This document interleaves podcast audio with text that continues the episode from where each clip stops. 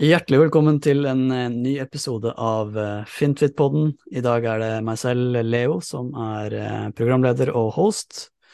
Og i dag har jeg med meg storfint besøk. Jeg har med meg en som er kjent fra TV, driver podkast, har også skrevet eh, bok, og er også kjent som tidligere profesjonell langrennsløper.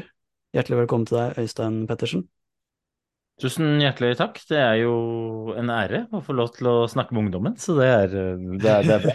Jeg føler meg jo selvfølgelig ut som Jeg føler meg som en dinosaur når jeg sitter her og ser på hvor ung du er, men eh, det er greit. Jeg, det er bra med dinosaurer i ny og ne òg. Forhåpentligvis så har vi noe til felles og, som vi kan snakke om, så Jeg har i hvert fall vært ung.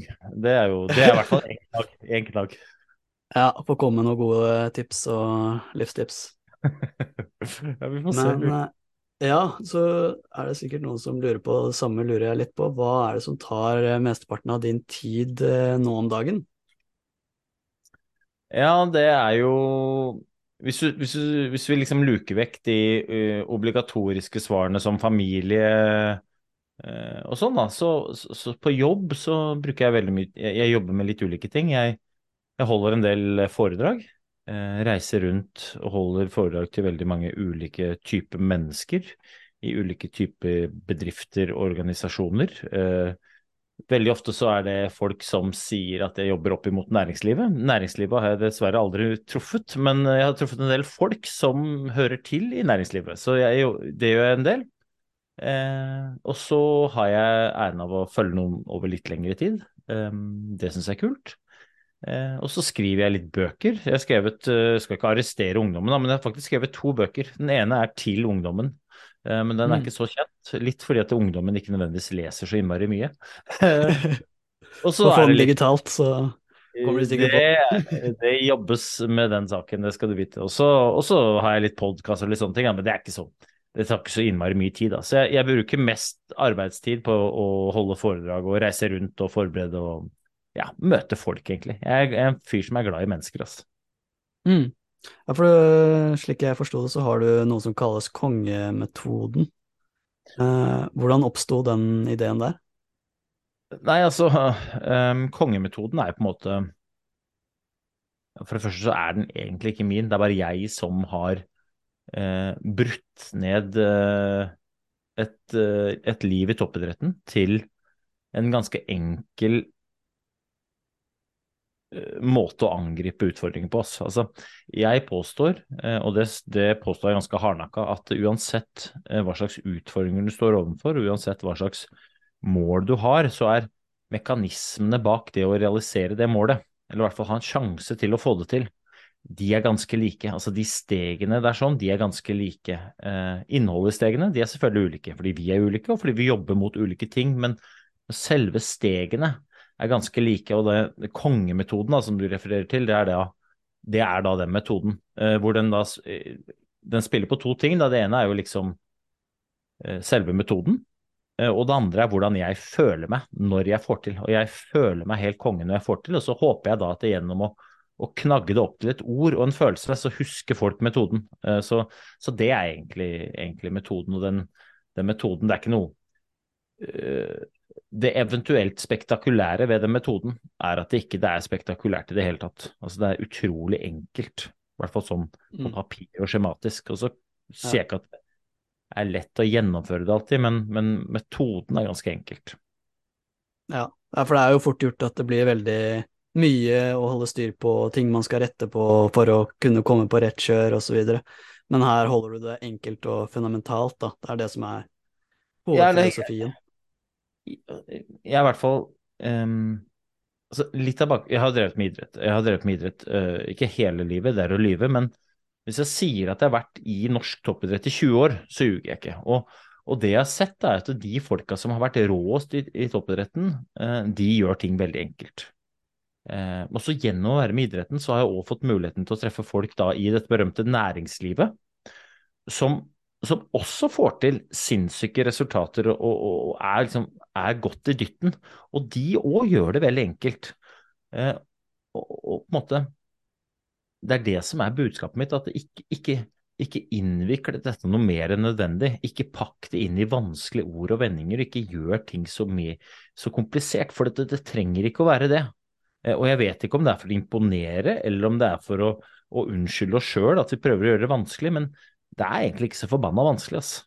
Uh, og, og, det er det jeg prøver å, å, å kommunisere, da. Og det er, det er, det jeg jobber med. Um, så ja. Men, mm. men ikke, ikke, ikke, hør det i betydningen at det er bare en dans på roser og veldig lett alltid. Altså det kan være krevende, men, men i og med at det er krevende i utgangspunktet, så prøver jeg å gjøre det så lett som overhodet mulig eh, ellers, da. Mm. Hvordan er det nettopp denne metoden kan hjelpe folk med å skape de prestasjonene og resultatene i ulike områder av livet, tror du? Uh, det er jo det, dette, er jo et, dette er et stort spørsmål, da. Men um, mm. kongemetoden, hvorfor trenger man en metode? Det er sånn, Hvorfor i all verden skal jeg trenge en metode? Jo, det er fordi at uh, vi har skapt et samfunn hvor, hvor ting går veldig fort. Det er veldig mye som skjer. Eh, og veldig mange ender opp med å bli ganske sånn, jeg pleier å si litt flåste, opptatt med å være opptatt. Hvor vi bare løper rundt i hamsterhjulet eh, og bruker masse energi og blir veldig slitne. Jeg påstår at det er flere folk som kommer hjem etter en arbeidsuke og sier 'jeg har jobba mye', enn det er folk som kommer hjem og sier 'jeg har gjort mye'. Og litt av poenget med å ha en metode er at du skal angripe uka istedenfor å bli angrepet av den. Eh, og igjen, eh, for å referere til idrett, da. Eh, jeg har, jeg har, ikke truffet noen som har virkelig fått til ting innenfor idretten, som ikke har hatt en ganske klar metode for hvordan de skal nå de måla de har satt seg. Eh, og, og, det samme gjelder da i det berømte næringslivet, mens jeg treffer veldig mange som, som har litt ubevisst forhold til sin egen metode. Hvor, hvis jeg forteller, spør folk ja, hvordan er det du jobber, hva er metoden din, hva er liksom strategien, så er svaret veldig ofte 'det vet jeg ikke', eller 'jeg får se hva som skjer', eller studenter svarer jo veldig ofte sånn ja, 'det er skippertaksmetoden, nå begynner det å nærme seg', og så tar jeg et skippertak. Eh, og jeg har ikke truffet noen som over tid har fått til noe ordentlig på 'jeg skal se hva som skjer'-metoden, eller skippertaksmetoden, eller andre. Så det, det er andre andre teknikker der ute som er mer bærekraftig i et langsiktig perspektiv enn de, de nevnte metodene der, da. Og det, mm. det, det, det, er det som er greia. ikke sant? Jeg har lyst til at folk skal bli mer aktive i tilnærminga si, og, og, mindre reaktive. Eh, og ikke, ikke, betydningen at dere skal begynne å løpe mer, men, men, ta kontroll over de tingene man kan styre, og se konsekvensen av det, istedenfor å bli angrepet av alt og på en måte føle konsekvensen av det. Ikke bli et offer for omgivelsene sine. Det er liksom en del av budskapet mitt. Ja, så du mener det at uh, man heller skal luke ut det som er uve uvesentlig, da, i der, der, man virkelig ønsker å nå, uh, eller de målene man har, eller delmålene man ønsker å så angripe ved å luke ut det som er uvesentlig, og fokusere på det man faktisk kan kontrollere, da, altså kontrollsirkel. Ja, og så ja. eh, Altså, er det noe jeg har lært, da? Ikke sant? Ok. Ikke sant? konseptet å få til er ikke så, er ikke så forbanna vanskelig. Altså, hvis du tegner et prikk da, på et ark, ikke sant? Også den prikken den representerer der hvor du er.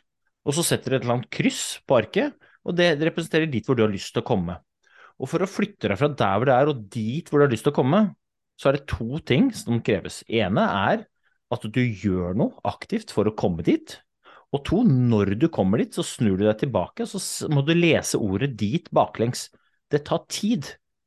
Problemet her sånn er at det er ikke én ting du og jeg og resten av verden skal klare. Vi skal klare dritmye, vi.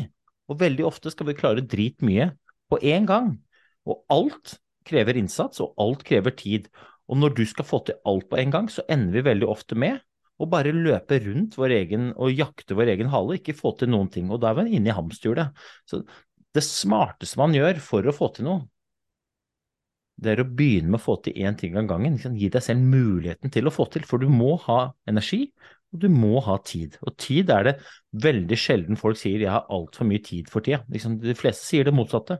Og de dytter tidsbegrepet foran seg som en unnskyldning for at ikke man får til. Mm. Jeg leste... Og derfor tenker jeg at det er lurt ja. å ha en metode. Mm. Jeg leste en bok som het Atomic Habits, uh, hvor det da eh, kom inn på det nettopp og allikevel bare ta ett lite steg om dagen i 365 dager, gir såpass stor vekst i forhold til å gå ett steg tilbake om dagen. At det blir såpass stor forskjell over tid da, at det faktisk hjelper å gjøre en liten ting i løpet av en dag, altså ha de rutinene. Litt, litt, litt og litt bedre. Det går ja, og, såpass bra over tid. Og dette er Jo, og dette er jo, Vi kan jo godt si at det, det kan godt hende det er noen lytter nå som tenker sånn men dette, nå slår, Leo Øystein, nå slår dere inn vidåpne dører. Men litt, litt av utfordringa her, og dette mener jeg fullt alvor, litt av utfordringa er at hvis du og jeg gjør litt i dag, så i morgen så vil vi ikke se noe effekt av det lille vi gjør i dag. Verken på det positive eller det negative. Så du kan, eh, du kan uh, spise masse drit du i dag, og så våkner ikke du opp spesielt usunn i morgen. Eller du kan spise veldig sunt i dag, og så våkner du heller ikke opp så veldig supersunn i morgen. Så du er omtrent den samme. Men de små hackene over tid oh, Og når du først ser det, men da er det gjort kjempeforskjell. Dessverre så har vi en tendens til å se det når det er negativt. Det er ikke mm. så mange som sier faen, nå har, jeg, nå har jeg trent litt hver dag, eller nå har jeg lest litt på sengekanten hver dag, eller nå har jeg gjort det eller det, den lille, lille forbedringa hver dag i ett år eller to år, og se hvor langt jeg har kommet. Det er mer den andre. Faen, se på meg, nei, nå må jeg ta tak. Nå må jeg gjøre og så hvilken metode har vi da? Jo, men da er det skippertaksmetoden. Faen, nå har det sklidd ut. Og så kommer vi til nyttårsforsettene, og så banker vi av gårde. Så tar vi et ordentlig skippertak til 13. januar, og så er vi utslitt. Og så sklir det tilbake igjen, ikke sant. Mm. Så det er rett og slett summen av det man virkelig tar tak i og gjør noe med, da, som er viktigst til slutt. Ja, altså jeg tror de, om det er studenter, om det er idrettsutøvere, om det er innenfor næringslivet, eller om det kommer til ditt eget følelsesliv, altså, det er det du gjør hver eneste dag som legger føringer for hvordan du kommer til å føle deg, og hvordan du føler deg kommer også til å legge føringer for hvordan du presterer, og hvordan du presterer kommer til å legge føringer for hvilke resultater du kan skape. Og sånn er det hele tiden. Det er de der små tingene hele tiden. Og det der er jo Atomic Habits er jo eh, en, en utrolig spennende bok, syns jeg. Det, det, det, eneste jeg liksom eh, ikke liker med vaner, det er at vi, vi, har, vi har, lært oss opp til at eh, det på et eller annet tidspunkt kommer til å være noe du slutter å tenke over at du gjør. Eh, mm. Og, og, sånn kjenner ikke jeg det begrepet. fordi at det, det, å velge riktig, det vil alltid være et bevisst valg. Det, det, å å lese den boka, det å stå opp, eller det å gå og legge seg så du får nok energi, eller det å trene litt, eller det å gjøre et godt stykke arbeid, det vil aldri være noe du aldri tenker over. Jeg liker å skille mellom vaner og rutiner, jeg, da. Ikke sant? Og mm. det å innarbeide gode rutiner som gjør at det koster mindre og mindre og mindre å ta de valgene, det, der tror jeg nøkkelen ligger, da. Og, så tror jeg at det, eh, det er veldig mye lettere, én, hvis du da klarer, da, og, og, klarer å trekke hvorfor er det jeg skal ha disse rutinene? Og det er der jeg mener kongemetoden, eller bruk noe for, for guds skyld, altså bruk, bruk noe den metoden du vil. Men, men min metode er kongemetoden. For da er det lettere å få dette system og faktisk kunne sjekke at det du gjør, én, er det riktige for å nå målet ditt, to, at du gjør de riktige tingene til riktig tid, og tre, at du faktisk nærmer deg. For Én i kongemetoden er jo bare å stoppe opp og se hva er det som er effekten av det jeg holder på med. Altså evaluere. Og da skal du ikke evaluere resultatene, men du skal evaluere atferden din. Gjør jeg det jeg har bestemt meg for, eller gjør jeg ikke det? Og hva er effekten av at jeg holder på? Mm. Ja, for jeg tror ikke Hvis du tar eksempel av en som står opp tidlig hver dag og har det som rutine og vane, stå opp tidlig hver dag, trene før jobb eller skole. Jeg tror ikke han eller hun hver dag eh, bare gjør dette automatisk uten å tenke ah, i dag var det litt uh, slitsomt, eller i dag var det regn og mør mørkt ute, men allikevel gjør det uten å tenke de tankene. De er der fortsatt. Jeg tror du tenker fortsatt over det.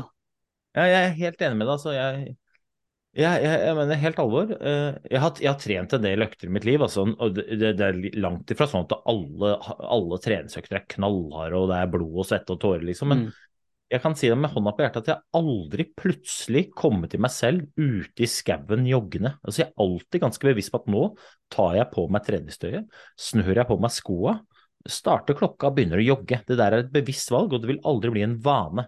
Det kan godt hende at det, jeg har holdt på med dette så lenge at det koster meg mindre enn naboen som ikke har jogga. Mm. Men vit at jeg gjør ikke det på automatikk, jeg velger det. Og effekten av det er jeg også veldig bevisst på å kjenne etter, for da, da får man jo på en måte forsterka hvorfor er det jeg holder på med dette. Og så tror jeg at det, det er umulig å kjenne liksom et godt svar på hvorfor holde på med dette, hvis ikke du knagler på et, et mål. ikke sant? Steg én i kongemetoden altså Kongemetoden er veldig enkel, men steg én er å konkretisere målet ditt. Hva er det du har lyst til å få ut av det du holder på med? Hva, hva legger du tid, energi og ressurser i å få til? Mm. Hvis du bare trener, så tror jeg du på et eller annet tidspunkt kommer til å skjønne, gå lei, og så kommer du til å stille spørsmål hvorfor gidder jeg dette? Og hvis du ikke da kan svare på det, så gir du det, tror jeg. Mm. Men målet kan være jeg har lyst til å ha det gøy. Eller det kan være, altså, det handler ikke om at du skal bli verdensmester, men det er å knagge det på en, på en, eh, en konkret årsak da, gjør at det er lettere å komme seg ut den der berømte døra.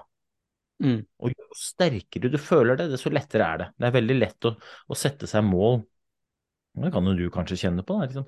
Sette mål som omverdenen forventer av deg, eller som du tror at omverdenen forventer av deg.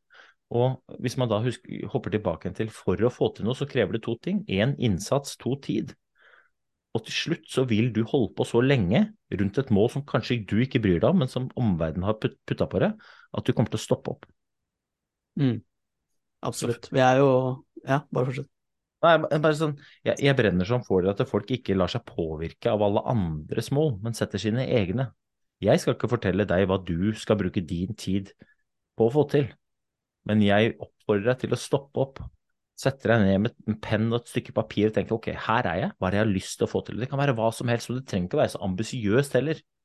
Det kan være jeg har lyst til å bruke mindre tid på telefonen, eller jeg har lyst til å være mer med venner, eller det kan være hva som helst. Men når du har satt det målet, så kan du bruke resten av de fire stegene i kongemetoden for å bryte ned hva som skal til for å få det til, og jeg, er overbevist om at du kommer til å få det til, hvis du holder på med det, og ikke alt mulig annet fjas. Mm.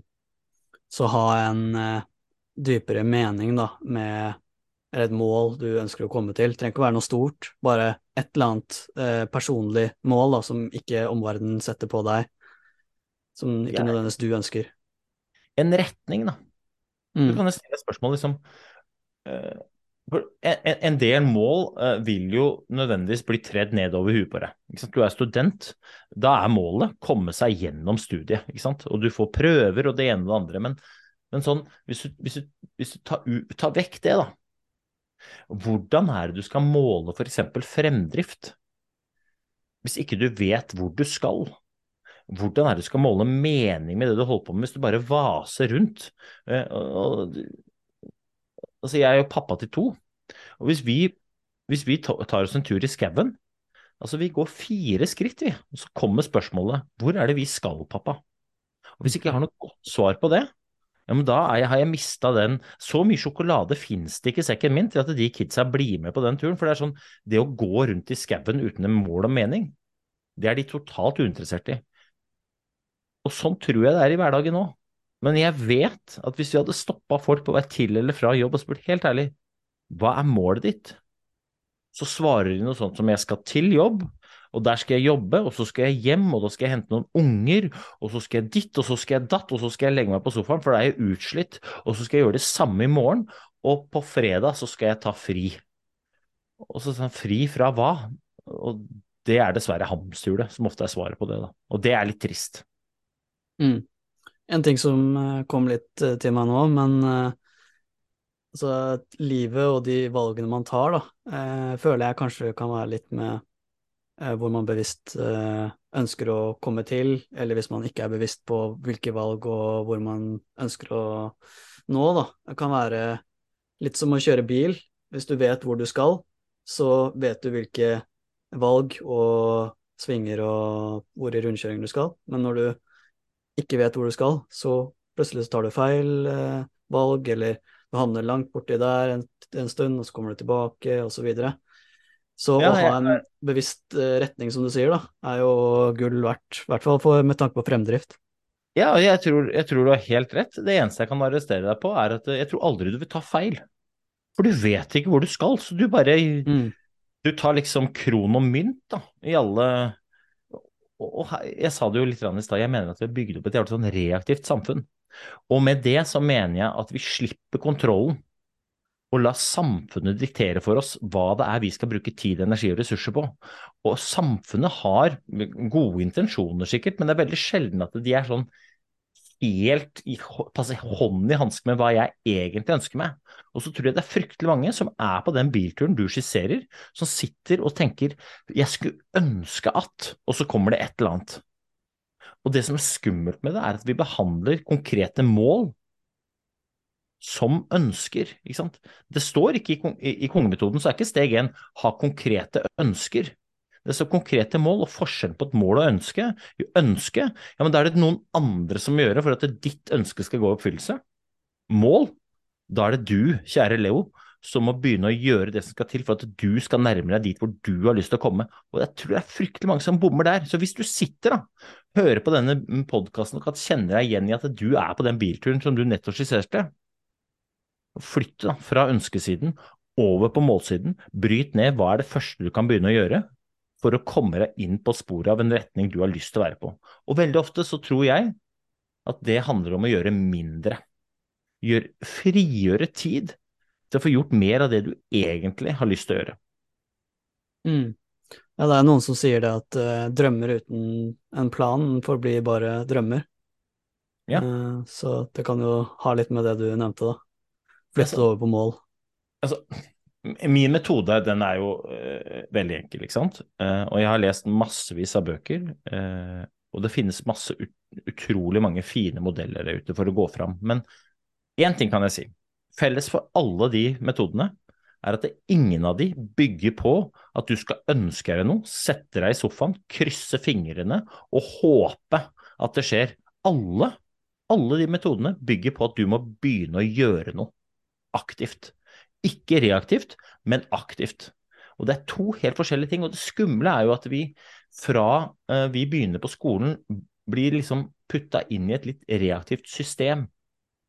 Hvor det på en måte valgene nesten blir tatt for deg, hvis ikke du tar de selv. Du blir Mm. dytta videre, og det blir forventa at du, når du er ferdig med videregående, så forventes det enten militære, eller så er det rett inn i studier. Når du er ferdig med studier, så forventes det at du er rett inn i jobb, og så du, jobber du litt, og så forventes det at du skal ta, få deg familie, og så til slutt så sitter du der, da, i den derre bil, bilen, og så bare hva er dette for noe? Og jeg, det er noen som, som har det som mål, å få den der stabile, fine, trygge, gode hverdagen. Jeg skal ikke moralisere over det. Eh, Absolutt ikke, men, men, men velg, det er det jeg sier. Stopp opp, ta et skritt tilbake, sett deg ned med et penn, papir, og få retninga, da. Ja, det merket jeg absolutt litt på da jeg ble ferdig på videregående i fjor, da. Eh, Så valgte jeg å ta et år hvor jeg jobbet 100 eh, for å nettopp ja, kunne kjøpe meg en leilighet og stille bedre til studietiden, da, som nå kommer til høsten. Um, og da ofte møtte på foreldre eller andre familiemedlemmer eller noe sånt. Så er det Ja, studerer du, da, eller er det militæret som blir Altså da før jeg skulle jobbe? Eh, nei, jeg skal jobbe 100 Å ja, ja, ja, du tar friår, ja. Nei, jeg tar ikke friår. Jeg jobber mot et mål eh, som jeg har valgt selv, da. Og så kommer det andre. Jeg skal jo selvfølgelig studere, og, for det er noe jeg har lidenskap for, og så videre. Men akkurat her og da så passet det perfekt for min, min vei, da. Så det kan jeg kjenne meg igjen i. Ja, og der tror jeg vi som, vi som voksne, da, jeg tror vi skal være veldig bevisste på det. Ikke liksom dytte våre egne overbevisninger over på, på ungdommen. Så at dere må få lov til å ta egne valg, akkurat sånn som vi ønska å ta egne valg når vi var i den alderen. Og så selvfølgelig kan vi hjelpe dere og sparre dere og sparre med dere og litt sånn, men vi skal ha veldig respekt for at det, hvis du har en drøm, hvis du har et mål, og jeg som voksen ikke kan noe om det din drøm dreier seg om, så skal jeg være utrolig forsiktig med å gi deg råd utover ring noen som har gjort det før deg. Men ikke Mm. kom til meg og spør om du må gjøre det eller ikke, for jeg har ikke gjort det. Jeg vil sannsynligvis svare nei, fordi jeg er ikke villig til å gjøre det som skal til for at din drøm skal gå i oppfyllelse. Jeg valgte noe annet. Spenn den buen, og ikke vær så redd. Jeg blir altså, så- jeg får så fnatt da, når folk eh, er veldig opptatt av når ungdommen kommer med sin drøm til noen voksne, så er vi veldig raskt på plan B, plan C, plan E. Kan du ikke ha noen reserveløsning? Det vi bør gjøre er herlig. Sørg for at plan A er dritbra. Mm. Ikke legg masse energi i plan B og C. Du bor i Norge. Plan B ordner seg. Helt ærlig, det ordner seg. Sørg for å legge masse energi i plan A, sånn at du vet hva det er du skal gjøre når du står opp om morgenen for å ha sjanse til å få til. Realistiske Absolutt. mål. Det, liksom, det må være realisme i måla, vet du. Så faen. Realismen i dine mål, Leo.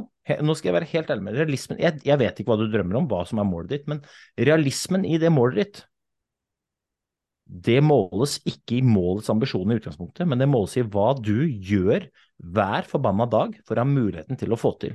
Realismen i mål måles i atferd. Og det er så mange som, som avfeier mål som urealistiske, kun fordi de vet med seg sjøl at de har ikke gjort noe som er i nærheten sjæl for å få til det du nettopp sa. Jeg ble olympisk mester på ski.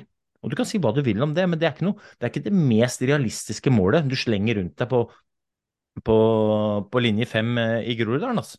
Hvis du Mm. spør meg i dag om jeg fikk det til eller ikke, om det er realisme i det målet, så svarer jeg ja, jeg kan godt vise deg medaljen som bevis. Men grunnen til at jeg hadde muligheten, det var at jeg sto opp hver dag og ga meg, ga meg tid og hadde nok energi til å holde på. Hver dag, ett og ett skritt av gangen, og til slutt så var jeg i stand til å vinne. Og så masse, er det masse tilfeldigheter på veien her, sånn. Fikk hjelp av utrolig mange fine folk. Men altså, Mm. hvis du gjør det som skal til, så kommer du til å komme så langt som du Du, du aner ikke engang. Mm, absolutt. Jeg tror også flere bør bruke mer av sin energi, da, istedenfor å planlegge plan B og plan C, plan D osv. Heller på å finne ut på hva man faktisk ønsker å gjøre, og det blir jo plan A, da. Um, Jeg har sagt det før, og folk blir provosert når jeg sier det, men drit i plan B. Hvis jeg er ikke interessert i å høre om plan B, fortell meg om plan A. Den kan vi godt justere, den kan vi justere 100 ganger, ass. Men hvis du tør å stå i det, og du digger det, med hvert fiber i klumpen digger det, så det er ikke sikkert at du realiserer drømmen din, men jeg er helt sikker på at du, etter ti år jobbing mot drømmen din, hvis du har virkelig gjort det, har kommet lenger enn du noensinne eh, kunne drømme om, og du har lært deg så mye at du ikke trenger plan B og C og det andre greiene uansett. Ja, For jeg tror veldig mange studenter da, på min alder og så videre, og oppover, eh, ikke helt vet hva man ønsker å bli, oppnå, gjøre videre. Det eneste man vet er at man kanskje ikke ønsker å jobbe resten av livet, da. Eh, det er kanskje det som er veldig mange unges tankegang eh, nå, da. Eh, og da bare bli pushet i en retning som kanskje foreldre eller andre venner da, eh, pusher de i så bare går den retningen. Og så finner du ut hva man ønsker å gjøre. Og, og, men der tror jeg du har, eh, der prikker du borti noe viktig, for det, det, det er på en måte ankepunktet uh, mot det jeg sitter og sier til deg nå. At jeg sier du må ha en retning, men det er ikke alltid man har den retninga. Og spesielt ikke når man er ung. Og, og dere er jo Mm. inne i et arbeidsmarked hvor vi voksne forteller dere at om 15-20 år, så er liksom de jobbene som finnes da, de, de, de eksisterer ikke. Hvordan kan jeg sitte og si til deg da at du må ha et konkret mål, men da pleier jeg å si at du kan bytte ut det konkrete målet med en konkret atferd som du har lyst til å ha, og som du har lyst til å så, uh, utvise, og som du har lyst til å bli um, kjent for. For den atferden, den vil være med på én, legge føringer for de, det du holder på med sånn i det daglige, men også skape gode relasjoner. Og er det noe vi trenger for å få til, så er det gode relasjoner. Så da, da stryker du konkret mål, og så skriver du heller opp konkret atferd eller konkrete verdier. Og da skal jeg love deg at dørene åpnes enormt. Så du kan stå uten Altså, hva er det vi egentlig ansetter? Er det kunnskap, eller er det folk? Kunnskap, Mm. det kan læres, men folkeskikk, atferd, det å ha evnen til å, å skape gode relasjoner, det der må trenes opp. Og nå som, nå som AI kommer, jo viktigere AI blir, fy flate, jeg skal love deg at det er menneskelig kompetanse, sosialt nettverk, sosial uh, IQ. Oh, det kommer til bare til å bli viktigere og viktigere og viktigere. Men hvis man ikke, igjen, da, igjen tilbake til reaktiv og aktiv, da. Hvis du har definert på forhånd hvordan du har lyst til å være, så tror jeg det er lettere å være sånn som du har lyst til å være, og ikke bli vippa av pinnen i situasjoner hvor, hvor, følelsene begynner å blåse og du blir pressa. Tenk hvor mange som sier ting de ikke mener, viser fingeren i trafikken, tuter, slenger med kjeft i butikken. Det er ingen som har lyst til å være den, den fyren eller den dama, men vi blir sånn. Og jeg tror det er lettere å unngå det hvis du har definert på forhånd hvordan du har bestemt deg for at du skal være når du treffer folk. Mm, absolutt. Angående det eh, AI-greiene som du nevnte, eh, så hørte jo det var noen som hadde Eller leste at det var noen som sa det at det er ikke eh, AI som tar, kommer til å ta våre jobber. Eh, det er mennesker som tilpasser seg bruken av AI, som kommer til å ta, ta over jobber eh, i fremtiden. Så da gjelder det rett og slett å være litt tilpasningsdyktig og kanskje eh, bruke det som et virkemiddel i hverdagen og jobbsammenheng, da. Um, for ja, å kunne tilpasse seg fremtiden. Ja, og vi er jo veldig tilpasningsdyktige. Det er jo grunnen Absolutt. til at vi har overlevd så lenge. Vi er, vi er, den arten i verden som er mest tilpasningsdyktige. Det der er vi helt rå på. Men faren med det er at vi er veldig reaktive.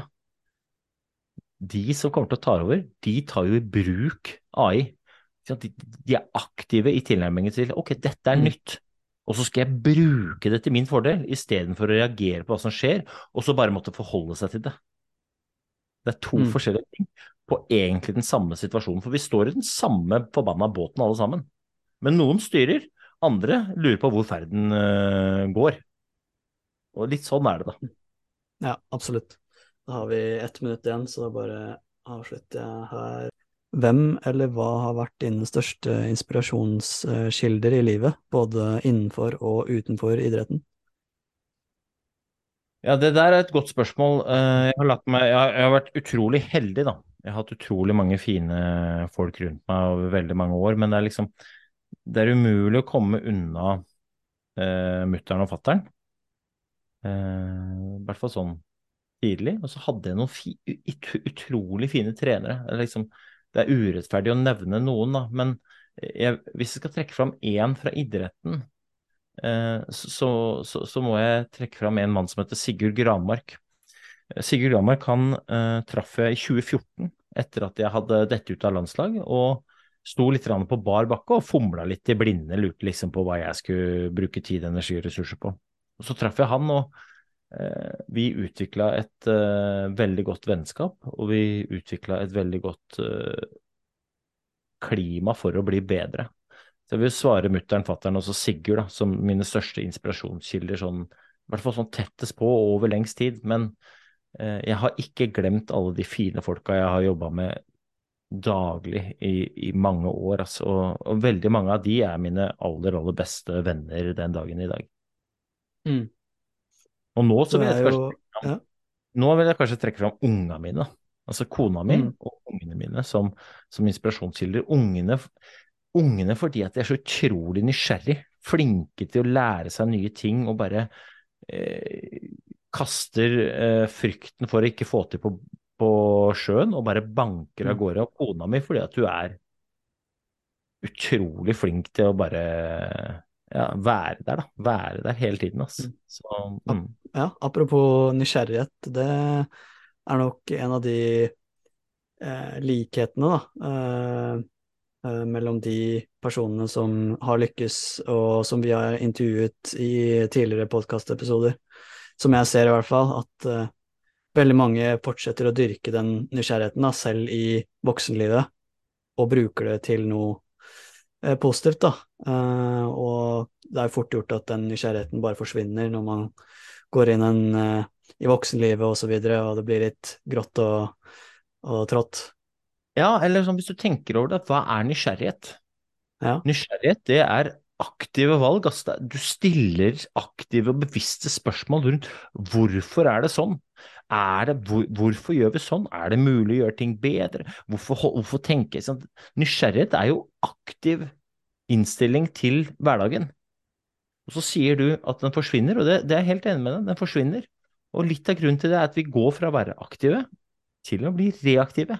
Og så bare ja ja, sånn har det blitt. Sånn har det alltid mm. vært. det der har vi prøvd før, jeg er blitt for gammel til ditt, jeg er blitt for gammel til. Og så er man ikke lenger nysgjerrig. Og så, faen eh, Mine unger, da, de er, de er 8 og 11, og de stiller meg spørsmål som er sånn Jeg hører aldri sånne spørsmål fra voksne. Altså sånn Hvorfor har trær kongler? Det er sånn. Det vet jeg ikke. Og så må jeg inn og finne svaret på Google. Jeg burde sikkert vite spørsmålet, men når vi voksne stiller spørsmål, så er det sånn Ja, Jessheim, ja. Ja, det er rett ved Gardermoen, det er det ikke? Så, sånn, vi vet jo at det er Gardermoen. Vi bare, vi bare, det er en slags sånn måte å prate, prate med ja. hverandre om. Liksom, det er jo fantastisk med nysgjerrighet. Det er jo en fantastisk e-, egenskap å ha. Ja, vi, vi har den alle sammen. Mm. Alle er nysgjerrige men vi slutter å bruke den, og så går vi over i det reaktive. Og så tror jeg litt av grunnen til det er at vi, vi kjører over oss sjøl. Vi har ikke overskudd til å være nysgjerrige fordi vi skal få til alt, helst på én gang. Og så ender vi opp med å stå i en spagat hvor vi stort sett ender opp med å ikke få til så mye som vi kan, og føle oss innmari slitne. Og da er nysgjerrighet en av de første tingene som ryker ut av vinduet. Altså. Mm. Ja, det er uh, Du er jo også et uh vanlig menneske, selv om du har fått til så mange ting og er eh, kjent eh, fjes eh, for nordmenn. Men du har jo også opplevd motgang og medgang i livet. Hvordan har du håndtert disse nedgangene og oppgangene, og på et personlig nivå, da? Eh, nei, det holdt på å si Jeg tror jeg må svare på det som så godt jeg kan. Og det tror jeg mm. de fleste svarer. Eh, og så er det jo litt liksom det fine Du innleder med å si at jeg er en vanlig fyr, og det, det, må jeg virkelig understreke. Jeg er en helt vanlig fyr, og jeg var aldri verdens beste skiløper. Kommer aldri til å bli det. Jeg har aldri vært, aldri vært best i noe, men jeg er veldig nysgjerrig. Jeg er fryktelig opptatt av å bli bedre hele tiden. Eh, og så er det jo sånn at det er fryktelig mange som føler at det, eh, at det livet er tøft. Da. Jeg er helt enig. Tidvis er livet drittøft, da, men jeg jeg er en blid fyr, ass. Jeg er opptatt av å ha det, ha det litt moro på veien. Jeg kan fleipe litt. Og hvis det er ekstra tøft, så er jeg i hvert fall opptatt av å måtte bevare det berømte humøret, da. Eh, jeg sier noen ganger det at livet er ikke, livet er ikke bare jobbing i motbakke, vet du, Leo. Innimellom så er det en skikkelig nedtur også. Og det, mm. det er liksom liksom, vi, vi, må smile litt. Men, men når jeg møter motgang, så så er jeg veldig opptatt av å anerkjenne det, syns det er kjipt. Men fortest mulig komme over i et aktivt spor. Da. Hva er det jeg kan gjøre for å, om ikke løse situasjonen, så i hvert fall påvirke den i positiv retning. Jeg, jeg mener i fullt alvor at uansett hva slags situasjon man står i, så er det noe man kan gjøre for å få det litt mm. bedre. Um, jeg skal ikke si at jeg har hatt noe tøffere enn noen andre, men uh, jeg holdt bl.a. på å miste livet her i en, en hjerneblødning som kom uh, som lyn fra klar himmel. Og, og, selv i den situasjonen, med, altså, uten å gå så innmari mye inn i liksom hva som skjedde og hva slags Jeg er ikke noe lege, men, men, men det er en ganske sånn en, en situasjon hvor mulighetene dine er ganske begrensa. Men likevel, det finnes noen ting du kan gjøre. Og om det er å smile når sykepleieren kommer og sjekker alt av ledninger du har i huet og ræva, eller Eh, om det er å tenke på familien, eller om det er etter hvert, da, så kunne jeg jo begynne å drikke litt vann, eller sette på en låt når jeg kommer hjem, eller ta en dusj. Altså de der småtinga som du kan ta tak i, og så ta vare på ta vare på humøret da, underveis. ikke sant? Det å få en hjerneblødning, det er alvorlig nok i utgangspunktet.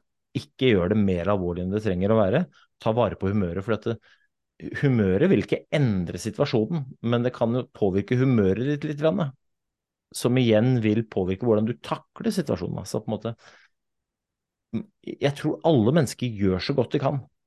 Eh, men jeg er trent opp til, gjennom idretten, å ha en aktiv tilnærming til de utfordringene jeg kommer opp i. For den dagen jeg fikk hjerneblødning, det var den dagen jeg sendte den boka hvor jeg presenterer kongemetoden, i trykken. Og jeg fikk testa hvor viktig det er i en sånn situasjon å ha noe aktivt å bruke. Målet når du holder på å miste livet, det sier seg sjæl. Men, men, jeg gikk rett i modus to. Altså. Steg to er å få oversikt over hvor du er i forhold til det målet ditt.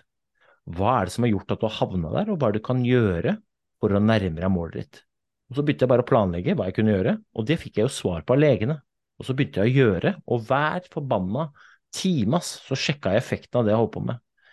Og det er veldig lett å bli angrepet av en sånn situasjon, og bare bli overøst med følelser, overøst med offerfølelsen og faen og uflaks, og dette er ikke sånn, dette fortjener ikke jeg og ditten og datten. Eh, og jeg var helt sikkert innom det sjøl, men det å ha en aktiv og klar strategi for hvordan du skal gå fram eh, Jeg skal ikke si at det redda livet mitt, men det gjorde i hvert fall den rehabiliteringsprosessen og det oppholdet utrolig mye enklere. Mm.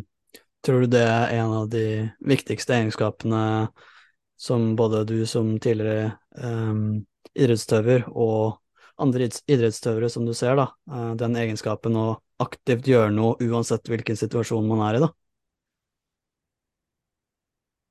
Altså, jeg skal jo være forsiktig med å fremstille idrettsutøvere som, som liksom verdensmestere på dette. Men, men mm. det, det, idrett dreier seg om, er jo å bryte ned hva er det målet ditt krever, og så begynne å gjøre det. Og så er det jo noen som sier at det øvelse gjør mester. ikke sant? Og det er klart, hvis du holder på med idrett i 20 år, hvor det du holder på med er å gjøre det måla dine krever, så blir du ganske god i den tankegangen, og du blir ganske god i det levesettet, og du blir ganske god i de rutinene. Så, så, jeg tror det er derfor man ofte tenker at idrettsutøvere er bedre enn andre på det. Rett og slett bare fordi det der har vi trent på. Og jeg i mitt tilfelle, i 20 år har jeg trent på det. Som gjorde at jeg var godt rusta. Men det er ikke sånn at de som ikke får det til, er dårlige mennesker, eller det er ikke det jeg sier, men bare sånn når, når, du blir satt på prøve, så er det hvor godt du har trent på de egenskapene som du blir satt på prøve på, som får seg en skikkelig test. Og da er mm. spørsmålet igjen, hvor mye trener du på f.eks. å være bevisst i atferden din? Og, det der er det, det der er veldig lett å trene på. For det kan du trene på hver forbanna dag. Når du stikker til jobb, eller stikker til studiested, eller du møter kollegaer, eller du får, du får 100 situasjoner i løpet av en dag hvor du kan trene på disse tingene. Men hvis man ikke er bevisst det, så bare reagerer du gjennom dem, og så får du heller ikke trent på dem. da. Mm. Uh, hvis vi skal gå tilbake da du var uh, yngre og opp gjennom karrieren, um, har du lyst til å dele en tid i løpet av ditt liv da du følte deg utfordret eller tvilte på den veien du hadde valgt, da? og eventuelt hvordan håndterte du denne situasjonen? Ja, det kan jeg gjøre. Uh, og da har jeg lyst til å trekke fram en periode hvor jeg løste det dårlig. Mm. Et, etter 2010 Jeg, jeg vant olympisk gull i 2010. Eh, og jeg, jeg, ble så god fordi at jeg aktivt hadde drevet med utviklingen og trent på det som skulle til for å vinne et olympisk gull. Jeg, jeg, jeg jobba hver forbanna dag med å bli bedre. Små, enkle steg, små, enkle ting hver eneste dag som til summen over veldig mange år gjorde at jeg blei så god.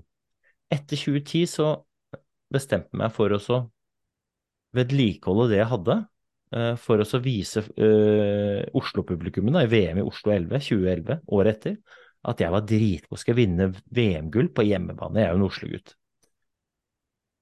Men det som skjedde, var at jeg da gikk fra å være veldig aktiv i tilnærminga mi, til å bli litt reaktiv. Og så sa jeg i stad at én dag med reaksjoner, ja, men det ser du ikke. To dager med reaksjoner, det merker du ikke. Ett år med reaksjoner, det merka jeg. For da var jeg plutselig nummer 42 i verden. Og det kommer som et sånn kjempesjokk eh, på meg. Eh, men det er først da jeg får syretesta de små, dumme valgene jeg har tatt gjennom det siste året, og effekten av de. Og jeg hadde, jeg, hadde, jeg hadde, fire år, fra 2010 til 2014. Så var jeg i den negative spiralen og jeg stort sett bare reagerte på det konkurrentene mine kasta på meg, og aldri var aktiv i tilnærminga mi til hvordan jeg skulle gå f.eks. et skirenn. Jeg stelte meg på start, og istedenfor å si fy faen, nå skal jeg gå skirennet sånn og sånn og sånn, og styre løpet, så stelte jeg meg på start sa jeg får se hva som skjer, eller henge på han, eller Og så var jeg alltid et lite hestehode eller to bak, da. Og så ja, blir det nummer tre, da, eller fem, eller eller sju, eller Og det er fint, det. Men du styrer aldri løpet. Du er bare en brikke i noens spill, istedenfor å være en spiller og bruke de andre som brikker. Og i 2014 så endte den nedadgående spiralen med at jeg mista jobben på landslaget og ble kasta ut, sto på bar bakke og måtte begynne på nytt. Jeg skulle ønske at jeg kunne fortalt den historien som at Og så skjønte jeg at jeg måtte ta tak, og så gjorde jeg det og justerte kursen, mens jeg enda hadde plass på landslaget. Men sannheten er at jeg lot det skure og gå så lenge at jeg ble så dårlig at jeg mista plassen på landslaget. Og da ble jeg tvunget til å ta tak. Og det her sier jeg bare fordi at det er så utrolig lett å la ting skure og gå når man ikke blir tvunget til det. Og så mm. vet vi at folk som får et hjerteinfarkt, ja, men da kommer plutselig Da tar man den justeringa. Da tar ja. man den livsstilsjusteringa som man selvfølgelig Man skjønner det ikke før det er for sent, på en måte. Så... Nei, og, og der igjen tilbake til de her små tingene. Du ser det ikke før du plutselig får syretesta hvor viktig det er. Mm. Og jeg, jeg, er sånn og var sånn sjæl. Så jeg, jeg, har ikke noe lyst til å fremstille meg selv som jeg får til alt. Dette jobber jeg med, og jeg, jeg kjørte meg sjæl ut av landslaget eh, gjennom å gjøre små valg, litt for dårlige valg, over ganske lang tid. Det var litt forskjell på det jeg gjorde, og det jeg burde ha gjort. Så eh, i, mellom 2010 og 2014 så spilte jeg meg sjæl litt og litt og litt ut av landslaget, og følte i den perioden at jeg, jeg pleier å bruke bildet liksom Jeg hang litt etter. Eh, toget gikk, og jeg hang etter og holdt tviholdt i tauet. Så visste jeg at det var bare et spørsmål før det tauet eller grepet mitt kom til å ryke. Men jeg beit tenna sammen og holdt ut, og det er det vi gjør. Men jeg ble bare sliten. Fikk ikke noen gode resultater, og til slutt så slapp jeg. Mm. Hvis vi skal ta et uh, avsluttende spørsmål her, da. Um, hvordan ser du for deg at ditt uh, foredrag kan inspirere og motivere deltakerne til å ta grep og oppnå sine egne mål? Da? Oi. Jeg har jo ikke noe jo ikke noe foredrag. eller sånn, Jeg har bare en haug av tema jeg syns det er moro å prate om, og så har jeg alltid et møte med kundene hvor jeg på en måte hører hva er det kundene er ute etter, hva er det deres behov er, og så deler jeg mine refleksjoner og synspunkter på det. Og den,